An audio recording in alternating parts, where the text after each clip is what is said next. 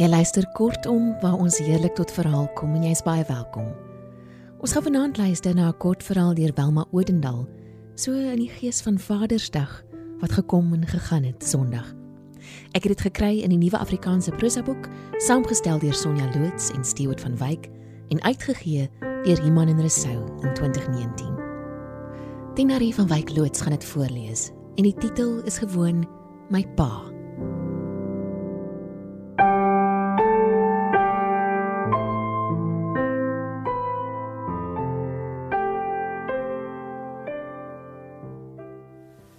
My pa is 'n goedhartige en grappige man. Hy lag en kielie en speel stoeispeletjies op die mat in die sitkamer. My pa is 'n vriendelike man. Omtrent almal hou van hom.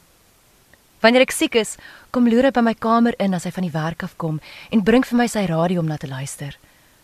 Ek luister na Mark Saxon en Sergey op Springbok Radio en soms laat saggies sodat niemand moet hoor nie na die creaking door. Vrydag aande neem hy ons inry teater toe. Hy bel die middag na skool en sê: "Maak julle reg, ons gaan vanaand inry toe." Dan voel ek opgewonde hier binne in my en my ma spring aan die werk en maak frikadelle en toebroodjies om saam te vat, want as hy kom, wil hy nie wag nie, hy wil ry. Ons gaan altyd na die vroeë vertoning en kyk na 'n cowboy prent met een van daai ou tydse helde waarvan my pa hou. Soms raak ek aan die slaap met my arms van agteraf om sy nek en my kop op sy skouers. My pa ruik na nat gras en speserye. Hy terg my en sê ek raak nou 'n bietjie aan die plomp kant. Ek hoor hy sê vir my ma dis tyd dat sy vir my 'n ordentlike baie kostuum koop. Ek kan nie meer so voor die seuns in my shorts swem nie. Die dag toe die kleintjie gebore is, is daar 'n swemgala by die skool en my pa is daar om my aan te moedig. Hy het al 'n hele ry van my bekertjies agter op die rakkie by sy kroegtoonbank in die sitkamer, langs 'n trofee van hom wat sê World Drinking Champion 1962. Ek het nooit geweet my ma gaan 'n baba hê nie. Die dag kom ek tweede toe Olga Knaap my net net in die vryslag vir dogters onder 13 klop. Hou pa van my? vra ek. Hou pa meer van my nou as toe klein was? My pa lag en trek my nader en vryf my boskaas deurmekaar. Maar hy wil nie eintlik meer hê ek moet op sy skoot sit nie. Toe ek klein was, het ek en my pa en my ma en oom Lou se ou liggrys Packard van ons klein myndorpie af stad toe gery. Die hele kar was volgepak agter op die sitplekke met kardoese en tasse en kartondose vol goed, want ons sou nie weer terugkom nie. Ek wou nie weggaan nie en dit aan mekaar wou huil, maar my pa het gesê, "Wat wil mens nou gevrek bly in hierdie klein myndorpie? En ek moet net wag tot ek die wonderlike liggies van die groot stad sien." Ek het agter deur die venster gekyk na my beste vriend Sydney wat op sy fiets sit en ons agterna kyk en geweet ons sal nooit weer terugkom nie. Ek het hartseer gevoel om te dink dat ek en Sydney nooit weer tussen die mynhope op ons fietsse wheelie sal gooi dat die sand so spat nie. En al is hy Engels, is daar niemand soos hy vir my in die wêreld nie. Dit het lank geneem na die groot stad toe. Ek het saggies die liedjie gesing wat Sydney my geleer het en ons saam gesing het op ons gunsteling plek by die ou skag waar niemand ooit gekom het nie. My bonnie lies over the ocean. My bonnie lies over the sea. Die ou Packard het kort kort begin kook en dan moes ons stilhou totdat hy afgekoel het en my pa voor iewers by die engine water kon ingooi. My ma se gesig was weggedraai van ons af en sy het by die syvenster uitgekyk met 'n sakdoekie teen haar mond vasgebyt.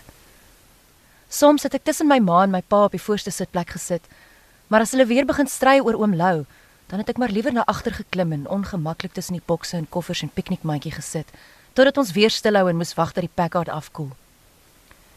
Bring back, oh bring back, oh bring back my Bonnie to me, to me. Het my pa saam met my gesing. Dit was al donker toe ons in die stad aankom. En die wêreld was seker vol liggies, maar ek het dit nooit self gesien nie, want ek het met my kop teen my pa se skouers aan die slaap geraak, my arms van agteraf om sy nek. My vriende hou almal van my pa. Hy is grappig, vriendelik en goedhartig en terg hulle lekker. Maar soms verander sy bui vir die kleinste rede. Hy hou nie van enige van die seuns wat by ons huis kom speel nie. Selfs nie eers Sydney nie. En ons is al maats vandat ons klein was. En sy ma en my pa dans lekker saam op 'n Saterdag aand as die mense kom braai en my pa die buitekleurliggie spesiaal aansit. Mona weet om te dans, sê my pa. Dan dans hulle saam en speel so tussen die groot mense deur en almal lag ook as my pa sing Ramona, jou linkerbout lyk net soos myne. my ma lag saam. Soms lag sy so. Sy rus haar gesig vir 'n rukkie in oom Lou se nek, haar oë toe en dan trek hy haar vriendelik nader, sy arm styf om haar middellyf. By ons ou huis voel dit my was almal gelukkiger. Partykeer is ek op my senuwees want mens weet nie altyd waar jy staan met my pa nie. My ma dreig om hom te vertel as ek kwaad doen, soos die keer toe sy die briewe van my beste vriendin in my Bybel ontdek het waarin sy skryf sy het my byna so lief soos vir die Here. My pa kan onredelik raak. In ons nuwe huis bly my pa en ma ure in hulle kamer en praat hulle oor 'n egskeiding moet kry. 2 weke voor Kersfees kry ek my ma in die badkamer waar sy huil en opgooi te gelyk. My ma gaan weer 'n baba kry en ek maak die kersboom op in die sitkamer. My pa kom binne en ek vra hom om die silwerster bo-op vas te speld. "Wie's jou beste?" vra my pa. "Pa is pa," sê ek altyd. Ek dink nie my ma hou so baie van kinders nie. Die Kersfees sou oom Lou weer kom kuier soos altyd en ek onthou hoe ek daarna uitgesien het want dit voel my my ma is altyd gelukkiger en my pa en oom Lou gesels en drink hulle brandewyntjies op die stoep met hulle bene uitgestrek bo op die reëling. Smiddag ry hy en oom Lou en oom Lou se nuwe wit Chevy na die Portugees in Pierneefstraat om 'n watlemoen te gaan haal vir later. Dan kyk hy en oom Lou ernstig na die waatlemoene wat op die sypaadjie uitgestal is en my pa sê: "Kom ons gesels bietjie met die billies en kyk of daar een is wat terugpraat." En klop klop met sy kneukels teen die waatlemoene een vir een om te kyk watter een terugpraat sodat hy en oom Lou die rypste een kan terugbring huis toe. Maar oom Lou kom nooit meer nie. My pa neem my saam wanneer hy gaan inspeksie doen by sy werkers wat besig is om 'n swembad te bou. Dit is laatmiddag in winter.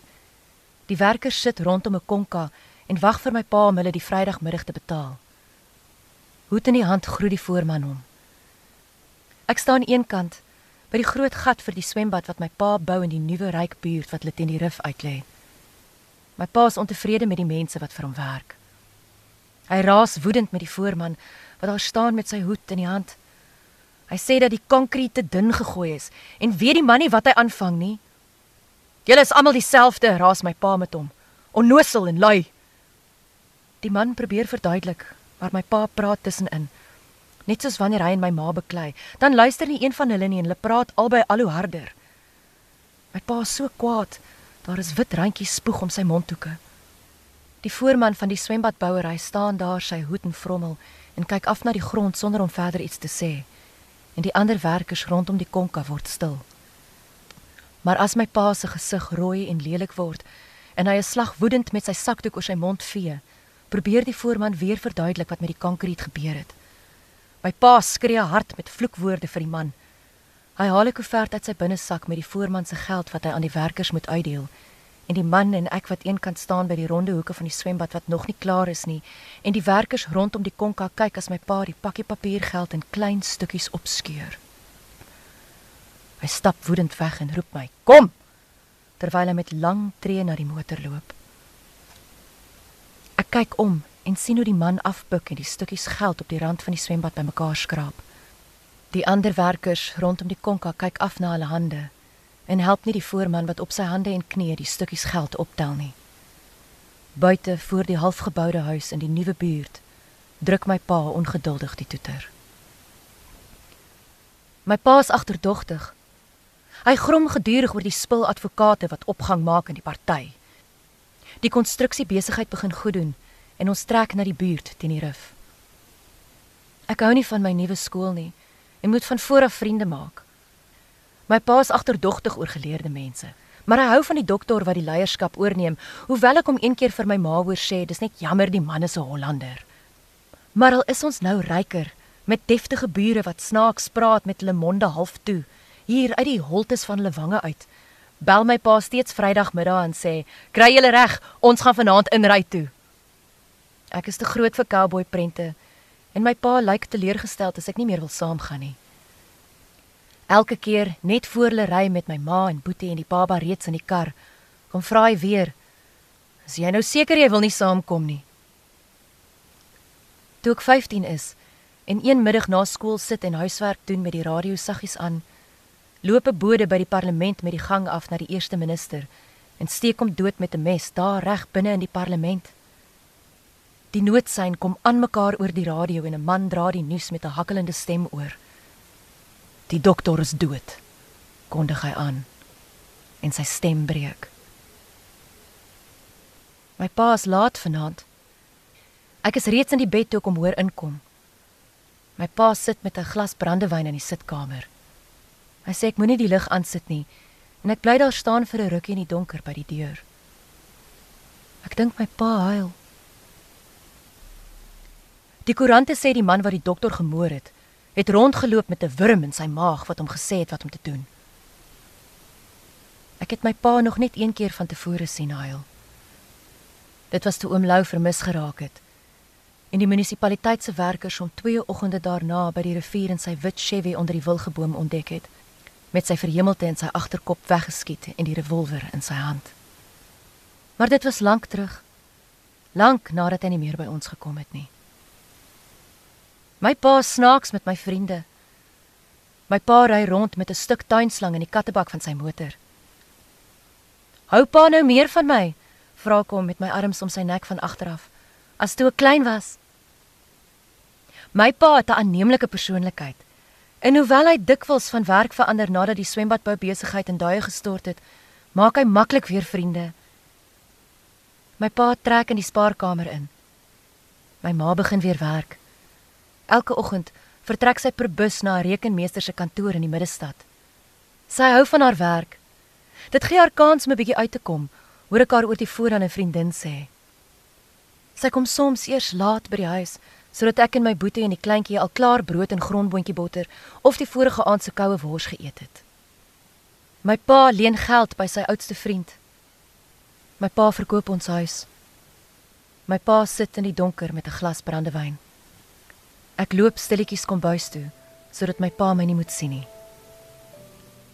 My pa ry rond met 'n kort stuk tuinslang in die kattebak van sy motor. As iemand hom daaroor vra, trek hy sy lawwe gesig en sê: "Ag jong, dinge kan mos soms te veel raak," en lag. Al die mense by sy werk staan rond en lag saam met my pa terwyl hy in die motor klim met die tuinslang in die kattebak. My pa is 'n grappige man.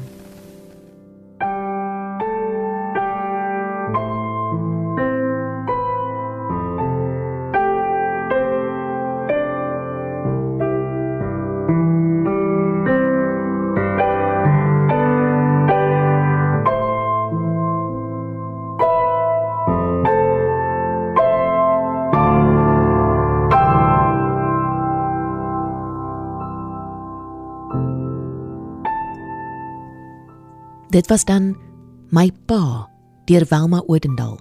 Voorgeles deur Tinari van Wyk loods. 'n Heerlike aand vir jou. Tot volgende keer.